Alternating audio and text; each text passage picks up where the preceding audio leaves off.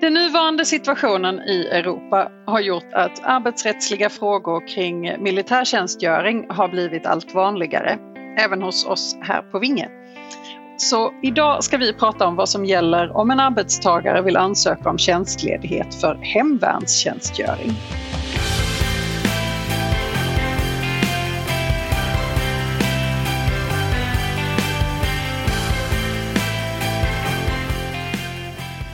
Hej och välkommen till Arbetsrättspodden. Podden för dig som verkar inom HR eller hanterar personalfrågor i din vardag.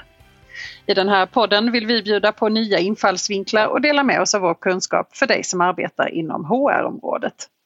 Jag heter Emelie Svensäter Jantorp och arbetar som advokat inom arbetsrätt här på Vinge. Och med mig idag har jag min kollega Sara Strandberg som arbetar på vårt Stockholmskontor. Hej Sara! Hej! Vi har ett helt underbart vårväder här i Malmö idag. Hur ser det ut hos dig?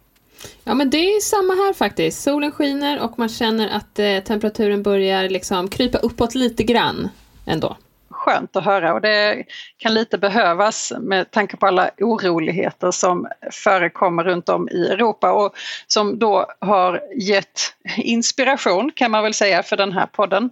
Eh, vi får allt mer eh, frågor kring just det här med tjänstledighet för någon typ av militärtjänstgöring. Så idag ska vi ju prata om eh, tjänstledighet för hemvärnstjänstgöring. Mm. Och vad, vad, är det egentligen som gäller rent arbetsrättsligt när en anställd vill ha tjänstledighet för eh, tjänstgöring inom hemvärnet? Kan man, kan man påverka på något sätt som, som eh, arbetsgivare? Vad, vad har vi för utgångspunkter? Ja men precis, alltså, man kan väl säga att i Sverige har vi ju ganska generös eh, tjänstledighetslagstiftning. Det finns ju en, en rad olika typer av situationer där anställda kan få tjänstledigt för studier till exempel eller även till och med för att starta egen verksamhet. Och det är nog ganska unikt, tror jag. Eh, vi möts ju ofta av förvåning, skulle jag säga, när utländska klienter kommer med frågor om det här och vi ska redogöra för att jo, men absolut, det är inte alls i närheten av vad personen gör idag, men vill personen studera fem liksom, år till läkare så har den rätt att göra det och behålla sin, sin anställning. Eh, och det tycker ju många är högst förvånande. Eh, men där, inom de lagstiftningarna som är arbetsrättsliga lagstiftningar, eh, där finns det ju möjligheter för arbetsgivaren många gånger att skjuta upp eh, tjänstledigheten eller påverka när den ska infalla och så vidare, beroende på vad som är bäst för verksamheten. Men där kan man väl säga att när det gäller just tjänstgöring inom hemvärnet så är möjligheterna eh, mindre och snävare när det gäller den typen av eh, frågor. Så det gäller att man landar rätt i vilken lagstiftning man, man tittar på som arbetsgivare när man då eh, bedömer ifall man ska ge den här typen av ledighet. Då. Exakt, exakt. För att när det gäller att tjänstgöra inom hemjärn, hemvärnet så finns det inte någon självständig arbetsrättslig lagstiftning på området utan man får titta i lagen om totalförsvarsplikt och där finns det lagregler som reglerar det här. Då. Och vad, vad står där i egentligen ifall vi bara sammanfattar det? Där finns det ett särskilt kapitel om skydd för anställningen och eh, den säger att en, en person som är ledig med stöd av den här lagen då om totalförsvarsplikt får inte sägas upp eller avskedas för att man fullgör sina förpliktelser enligt, enligt den här lagen. Då. Och om det är så att en person hindras att utföra sitt arbete därför att man eh, jobbar då eh, åt hemvärnet så eh, får man inte åberopa det mot personen som grund för skadestånd eller liknande anspråk. Eh, så att det är ganska klart helt enkelt att där i ligger liksom grunden för tjänstledigheten helt enkelt. Så det är ett skydd för anställningen egentligen som Ja, precis. Sig. Exakt. Och det finns också ett eh, förbud mot att eh, försämra förmåner och sådana saker på grund av att personen är då eh, tjänstledig. Men det har lite betydelse på var någonstans man är i sin roll inom hemvärnet skulle man väl kunna säga. Ifall vi börjar med, eh, börjar från början, frågan om alltså egentligen innan man har eh, utbildat sig eh, inom hemvärnet, alltså när, när man faktiskt vill påbörja sin utbildning. Eh, var hittar man stöd för att eh, det ska, man ska ha rätt till tjänstledighet från, från jobbet i en sån situation? Mm. Då kan man inte titta i lagen om totalförsvarsplikt utan då måste man falla tillbaka på den, de arbetsrättsliga eh, ledighetslagstiftningen och då blir det då studieledighetslagen. Eh, därför att studieledighetslagen är ju väldigt, väldigt bred. Det, den ger ju ledighet för för väldigt, väldigt mycket och även då för om man ska gå en utbildning då inom ramen för hemvärnet.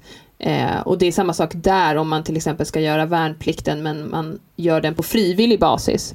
Eh, men då är det ju också så att just för, för den tjänstledigheten när man ska göra utbildningen, det är då arbetsgivaren har en, en större möjlighet att skjuta upp det här eh, påbörjandet av utbildningen så att säga. Upp till sex månader är huvudregeln så att säga. Och här kan det väl också finnas en del eh, regleringar i kollektivavtal. Man bör alltid kika på det också. Absolut, där bör man också kolla. Eh, sen ska man väl säga också att arbetsgivaren kan ju alltid på frivillig basis så att säga komma överens med en anställd om att ledighet tas eh, ja, tidigare så att säga. Och det var under utbildningen, men eh, vad händer sen när man är färdigutbildad? Precis, när man är färdigutbildad så ska man ingå ett avtal, eller man ingår ett avtal med Hemvärnet eh, som reglerar hur mycket man ska tjänstgöra. Och det brukar normalt sett vara mellan 4 till 13 dygn per år. Eh, och då eh, har man rätt till ledighet enligt lagen om totalförsvarsplikt då, då för de här dagarna.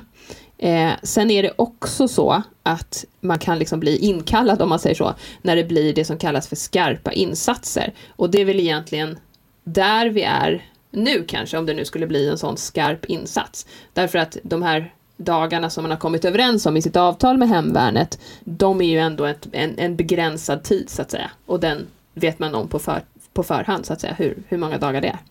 Så de skarpa insatserna de kan vara utöver då de här 4 till 13 dygnen? Ja, exakt. Och vad säger då lagen? Du var inne på det i början men jag tycker det är viktigt att vi verkligen understryker detta för det är ju under det som är själva skyddet här. Ja men precis och lagen säger ju att man får som arbetstagare eh, inte sägas upp eller avskedas på grund av att man följer då de här skyldigheterna att, att eh, jobba de här dagarna åt hemvärnet. Eh, och detsamma är att om man är förhindrad att utföra sitt arbete under de här dagarna så är det inte, då är det liksom Eh, ledighet som man har skäl för. Så att det är inte olovlig frånvaro eh, om man är borta de här dagarna så att säga. Och då får det heller inte åberopas gentemot den här anställde då som följer sina förpliktelser eh, på grund av sitt avtal med eh, hemvärnet. Och här har man inte samma möjlighet att skjuta upp eh, tidpunkten. Nej, precis. Och la lagen är ganska liksom vag, kan man säga. Eh, eller tolkningsbar, kanske man ska säga eh, snarare, eh, i när man ska informera. Utan lagen säger bara att man genast bör informera sin arbetsgivare om när man ska eh, när den här tjänstgöringen börjar och hur länge den ska vara. Man bör också i god tid informera arbetsgivaren om när man kan återinträda i arbetet. Och det är ju kanske lättare då när det gäller de här dagarna som man har i sitt avtal. Eh, men det kan ju bli svårare då om det blir ett sånt här så kallat skarpt läge. Men du säger här skarpt läge. Ifall ett sånt skarpt läge eh, varar under en lite längre period, vad är det som gäller då? Mm. Om den här tjänstgöringen då har pågått i mer än tre månader, då är arbetsgivaren inte skyldig att låta arbetstagaren återinträda i arbetet tidigare än två veckor från det att man får veta då att arbetstagaren ska komma tillbaka. Så att där har arbetsgivaren eh, möjlighet att skjuta upp liksom, återinträdet till tjänsten. Och det, det, är ju också rimligt kan man tycka eftersom arbetsgivaren eventuellt har liksom sig efter att arbetstagaren är borta, man kanske har en vikarie på plats och så. Eh, och då har man åtminstone två veckor på sig då att eh, rätta sig efter den nya eh, situationen så att säga. Och då är det i så fall det man behöver ta höjd för när man till exempel eh, anställer en vikarie eller tar in mm. annan hjälp för att, eh, för att hantera det. Så det kan vara bra att Precis. plocka med sig. Men eh, alltså, om, om jag uppfattar det rätt här så finns det egentligen inte så stora möjligheter för arbetsgivaren att hindra eller flytta på den här typen av tjänstgöringsperioder. I alla fall från det att man har, är färdigutbildad och har sitt avtal med, med hemvärnet på plats. Finns det någonting annat vi ska tänka på i detta? Eh, nej, det man kan tänka på, det finns också ett förbud mot att försämra förmånerna för en person som är eh, följer skyldigheterna då, inom hemvärnet. Så att inte heller där ja, får man... Det är ju väldigt viktigt. Vad, vad, innebär, vad innebär det? Ja, men att man till exempel kanske tar bort någon förmån eller får för sig att eh, lägga det här till grund för lönediskussionerna till exempel. Eh, kan ju vara en sån sak där man tar in det i, i bedömningen av huruvida, hur mycket löneökning en person ska få till exempel. Det får man inte göra vad utgår det egentligen för förmåner under själva perioden som man är ledig? Mm. Vad gäller då? Det är precis som vilken tjänstledighet eh, som helst annars. Eh, och då får man helt enkelt ingen lön eller förmåner ska utgå under den perioden. Så att det blir ju heller ingen kostnad för arbetsgivaren att den här personen är iväg på, på de här uppdragen. Däremot så är det väl snarare så att utmaningen ligger i att man har en resurs som försvinner under de här dagarna eller de perioderna som det gäller. Och att det kanske då inte är helt förutsägbart hur lång den här perioden är från början. Nej, precis. Så kan det verkligen bli. Men eh, vi har ju pratat om det här att det är ett anställningsskydd. Låt säga att eh, en arbetsgivare ändå väljer att säga upp eller avskeda en person som är tjänstledig Eh, för sin eh, hemvärnstjänstgöring. Vad händer, eh, vad händer i en sån situation? Då ramlar man in i eh, lagen om anställningsskydd och det blir precis nästan som vilken annan arbetsrättslig tvist som helst. Eh, en sådan uppsägning eller avskedande kan förklaras ogiltig på yrkande av arbetstagaren. Eh, och blir en sån tvist så gäller i princip de sedvanliga reglerna om skadestånd och preskription och sådana saker. Vad innebär det i praktiken? Kan bli dyrt? Det kan bli dyrt. Det kan bli dyrt. Det brukar vara första Precis. frågan vi får. Det kan bli dyrt. Det kan bli eh, allmänt skadestånd då. Eh, och eh, även ekonomiskt skadestånd om det är så att personen inte får ett, ett nytt jobb på ett tag. Jättebra. Det var det vi hinner med om idag. Eh, tusen tack för att du var med Sara. Tack själv. Dagens gädda.